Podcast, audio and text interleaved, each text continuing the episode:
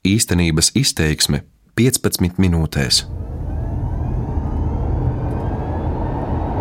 Šajā braucienā no Rīgas uz Valmieru es testēšu, kā elektroautorāta jūtas pilsētā un kā ar šīm mašīnām ir iespējams braukt pa šoseju, kā arī mēģināšu saprast, vai ar tādu mašīnu tik tiešām ir iespējams aizbraukt šādu ceļu gabalu no Rīgas uz Valmieru, kas vismaz Latvijas mērogiem nebūtu nav nemaz tik maz. Mani sauc Māris Bergs. Raidījumā īstenības izteiksme skaidrošu, kāpēc mēs Latvijā nevēlamies pirkt elektromašīnas. Uz papīra 2018. gadā elektroauto pieaugums bija 40%, taču patiesībā tās ir tikai 130 jaunas automašīnas. Pirmie iespaidi braucot pa Rīgu liecina, ka braukt ar šo mašīnu īstenībā ir pat vieglāk nekā ar mašīnu, kurai ir iekšzemes dzinējs un automātiskā kārba.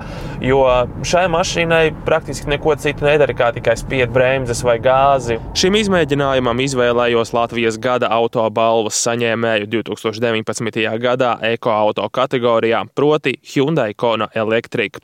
Brauciena sākums pa Rīgas ielām prasīja nepilnu pusstundu, bet pēc tam jau izbraukšana ārpus Rīgas un ceļš pa vidzemes šoseju. Ja es nezinātu, ka es braucu ar elektroautorātu, es to nemaz nevarētu pateikt, jo mūsdienu dīzeļdzinēji un benzīna dzinēji tāpat ir gana klusi.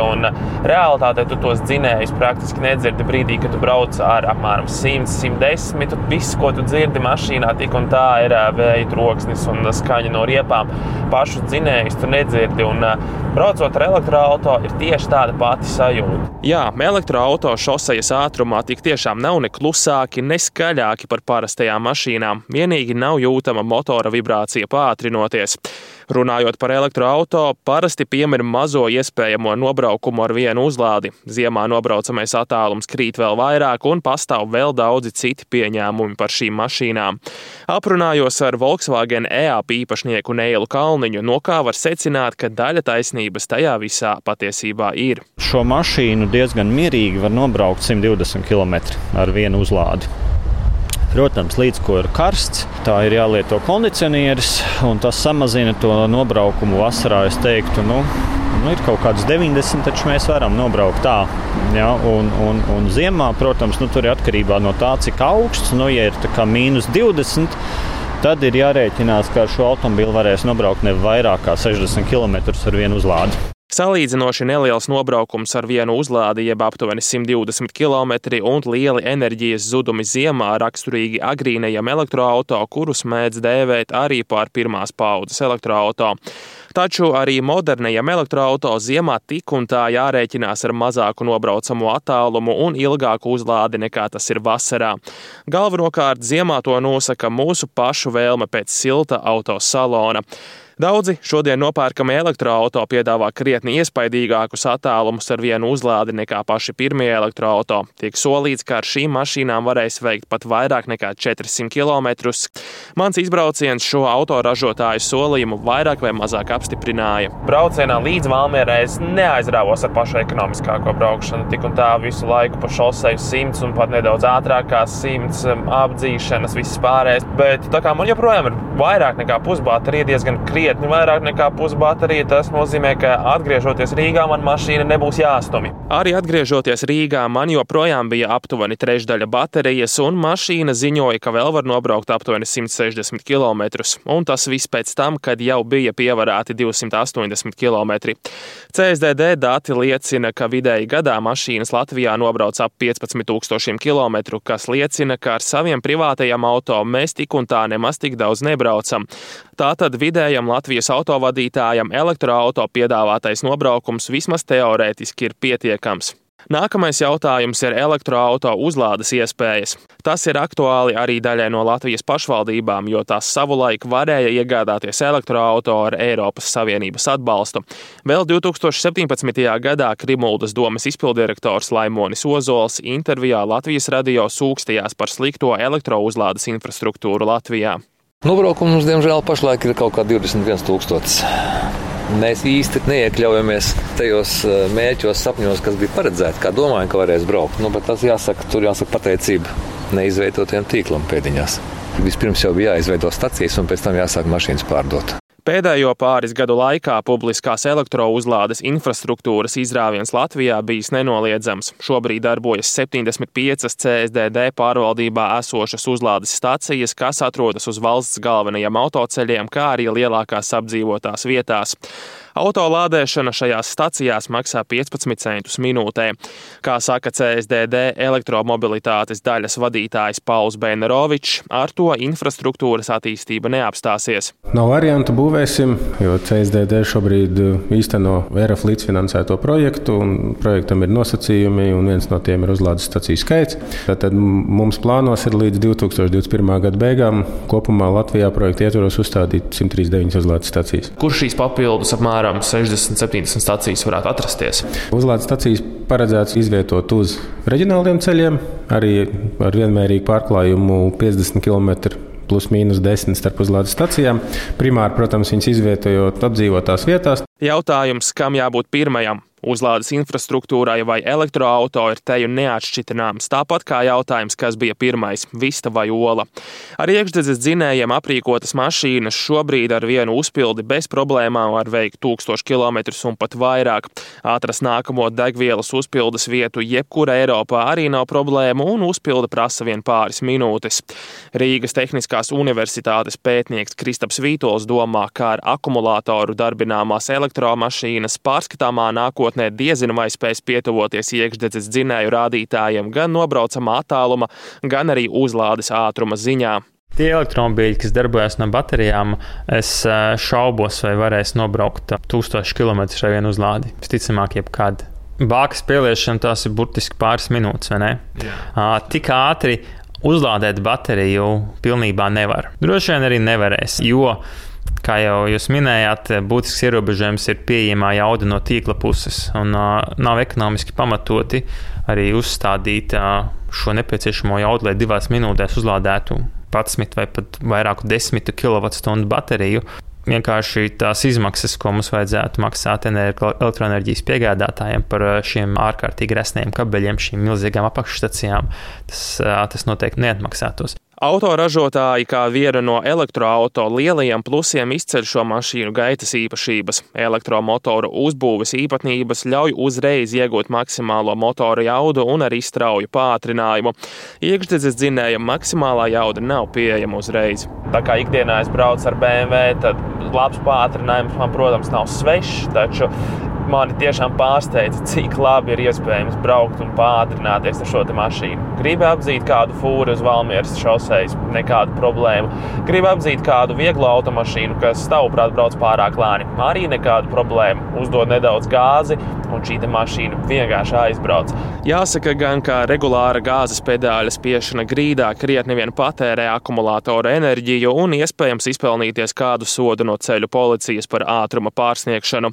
Lai arī elektroautorāta nobraukums kļūst arvien konkurētspējīgāks, šo mašīnu lielākais mīnus meklējams nevis infrastruktūras pieejamībā vai attālumā, ko iespējams nobraukt ar vienu uzlādi. Problēma ir kur citur, un tā ir cena.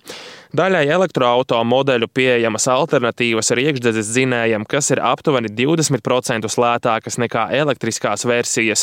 Ja apskatām autodīleru cenu lapas, lētākie elektroautorāta pie mums maksā ap 35 tūkstošiem eiro. Pie reizes apskatot, kādas mašīnas par tādu pašu summu nopērkamas ar iekšdedzes dzinējiem, redzams, ka tāda nauda tiek prasīta par tādiem auto kā trešās sērijas BMW, Audi A4 vai C klases Mercedes. Tomēr eksperti Eksperti, piemēram, Andris Dambis, steidz norādīt, ka elektromašīnas ikdienas apkopēs ir krietni vien lētākas nekā iekšdedzes automašīnas. Elektriskās mašīnas ir lētākas, tas ir skaidrs, tas ir zināms, un to ir daudz saskaitījuši eh, gan zinātnieki, gan eh, mājasemnieci. Tad uzturēšanā noteikti elektriskais auto ir lētāks, un tā ir tā viena no priekšrocībām. Tā pirmā jūtamā ir nobraukums, tādēļ, ka elektrība ir lētāka. Varētu būt divas līdz trīs reizes lētāka pārvietošanās pret benzīna vai dīzeļu motoru. Ja? Un otrs ir šīs apkopes un izmaksas. Jo jāsaprot, ka mūsdienu mm, iekšzemes motori, gan benzīna, gan dīzeļa, ir ļoti dārgi apkopē. Tādēļ, ka viņi ir sarežģīti. Un dīzeļmotori ir īpaši. Un elektriskie motori ir uz visu mašīnas mūžu, elektronika ir uz visu mašīnas mūžu. Tur nekas nav jādara, pilnīgi nekas nav jādara. Arī tāpat ir akumulatoriem garantija ar vien lielāku kļūst. Protams, ka mašīnā ir bremzes, kuras Arī elektriskās mašīnas gadījumā mazāk dilst, jo ir rekuperatīvā bremzēšana. Bet nu, salona gaisa filtrs vai, vai, vai bremzes uzliks tomēr ir jāmaina, un tā apkopes daļa saglabājās. Šim viedoklim nepiekrīt Latvijā pazīstamais autožurnālists Pauls Timrots, kurš vairāk kārt iepriekš nesaudzīgi kritizējis elektroautorātu. Timrots norāda, ka elektroautorāta koncepts kā tāds nebūtu nav slikts, taču šobrīd tas ir tehnoloģiski pārāk maz attīstīts. Nu, tas vienkārši uzliek uz papīra neatmaksājas. Vienkārši, ja tu nezodzi elektrību, vai to mašīnu to neuzdāvinājuši, viņa neatmaksājas. Tu vari būt jauks pret pasauli, zaļi domājošs, tu tā kā nākotnes vārdā nopērci, pamēģini, pabraukājies. Cilvēkiem patīk vienkārši atšķirties no citiem, un kāpēc nešķirties to, ka tu elektromobīls, nu ņem brauc. Bet šobrīd viņas vēl nav tik augstā tehnoloģiskā līmenī, lai viņām varētu tā droši un ilgi braukt. Viņas tik un tā ir mašīnas, bet mums nākotnē jādomā, mums tiešām ir vajadzīgs privātais transports, vai nevajag daudz vairāk pāriet uz kaut kādu sabiedrisku transportu. Un, ja mums ir nākotnē vajadzīga elektrība kā transporta enerģija, daudz prātīgāk būtu attīstīt tramvajus, trolēļus, autovilcienus, jo tiem mēs daudz vairāk tā zaļuma dabūtu vienā piegājienā. Braucot garām benzīna tankiem, ik reizi varam nošausmināties par benzīna vai dīzeļa cenām. 100 km ar mūsdienīgu dīzeļa auto vai benzīna auto izmaksā vismaz 6-7 eiro, un tie vēl varētu būt ļoti pieticīgi aprēķini. Realitātē daudzām automašīnām 100 km izmaksā tuvāk 8 vai 9 eiro. Pie mums relatīvi lētā elektrība ļauj pārvietoties krietni vien lētāk. Par to arī pārliecinājos savā izbraukumā, kurus 100 km patērēju 14,6 kWh elektrības. Ja akumulātoru lādētu mājās, tas man izmaksātu aptuveni 3 eiro uz 100 km.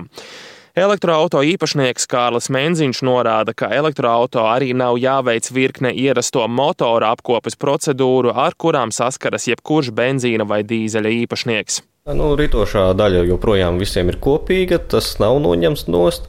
Par motoru kopšanu var aizmirst. Tā ziņā, ka motors pats par sevi sastāv no kādām četrām daļām. Tas vien jau pasaka, cik maz tur ir kam salūst. Kas attiecas uz baterijām, to jau pēc garantijām var redzēt. Teiksim, manam Citroenam joprojām nav beigusies garantija. Viņš ir 12. gada modelis, un viņam līdz 22. gadam ir garantija. Privātais auto zināmā mērā ir prestiža un neatkarības simbols. Tomēr, neraugoties uz it kā lētākām ikdienas izmaksām, Menziņš norāda, ka elektrisko mašīnu prestižs pie mums krietni pieklibo. Sabiedrība varbūt neņem par pilnu. Kā, ja tu esi elektriskās mašīnas īpašnieks, tad tu esi kaut kāds kuku. Teiksim, vai nu tu esi zaļi domājošs, vai nu vienkārši esi jefiņš. Nu, citiem, jā, tie, kas nopērk Teslas, tiem varbūt tas ir prestižs jautājums. Bet, ja tu nepērci Teslu, tad, tad jā, Kopumā tikai aptuveni 0,6% no visām no jauna reģistrētajām mašīnām Latvijā ir elektroautorāta. Lauvas tiesa no esošajiem elektroautorāta tika iegādāti tālajā 2014. gadā. Toreiz, pateicoties Eiropas Savienības finansējumam, pašvaldības un komersanti varēja iegādāties elektroautorātu un tika nopirktas 174 šādas mašīnas, jeb nepilni 30% no esošā Latvijas elektroautorāta parka. Fakts paliek fakts. Latvijā elektroautorāta skaita pieaugums ir viens no mazākajiem Eiropā, un tas ir krietni zem Eiropas vidējā līmeņa. Daudz vietā Eiropā valstis turpina piedāvāt ievērojumu finansiālu palīdzību tiem, kas vēlas pirkt elektroautorātu, un tiek domāts arī par jauniem atbalsta veidiem. Latvijā atbalsta mehānismi ir visai nosacīti. Nav jāmaksā eksploatācijas nodoklis un pirmās reģistrācijas maksa, kā arī ir bezmaksas stāvēšana Rīgas satiksmes autostāvvietās, atļauja braukt pa sabiedriskā transporta joslu, un arī jūrmalā var iebraukt bez maksas visu gadu. Uz kopējā fona tie tik un tā ir niecīgi ieguvumi. Elektroautorāti joprojām ir krietni dārgāki nekā to iekšzemes dzinēju alternatīvas. Protams, palielinoties pieprasījumam pēc elektromobīļiem, samazināsies to cena. Tik un tā saglabājas jautājums, cik ļoti vidi piesārņo bateriju ražošana un kā pielietot vai atbrīvoties no vecajām baterijām. Ja nenotiks strauja tehnoloģiskā revolūcija, elektroautorāta vismaz tuvākajā nākotnē joprojām būs grūti konkurēt ar iekšzemes dzinējiem garākos maršrutos. Šī brīža izpildījumā elektroautorāta ļoti labi der kā pilsētas auto, kas izcili piemērots aptuveni 100 km veikšanai dienā, taču jaunākie elektroautorāti ar vienu uzlādi jau spēj veikt krietni vien lielākus attālumus. Raidījumu par elektromobīļiem veidoju es, Māris Barks, par labskaņu rūpējās Uldis Grīnbergs.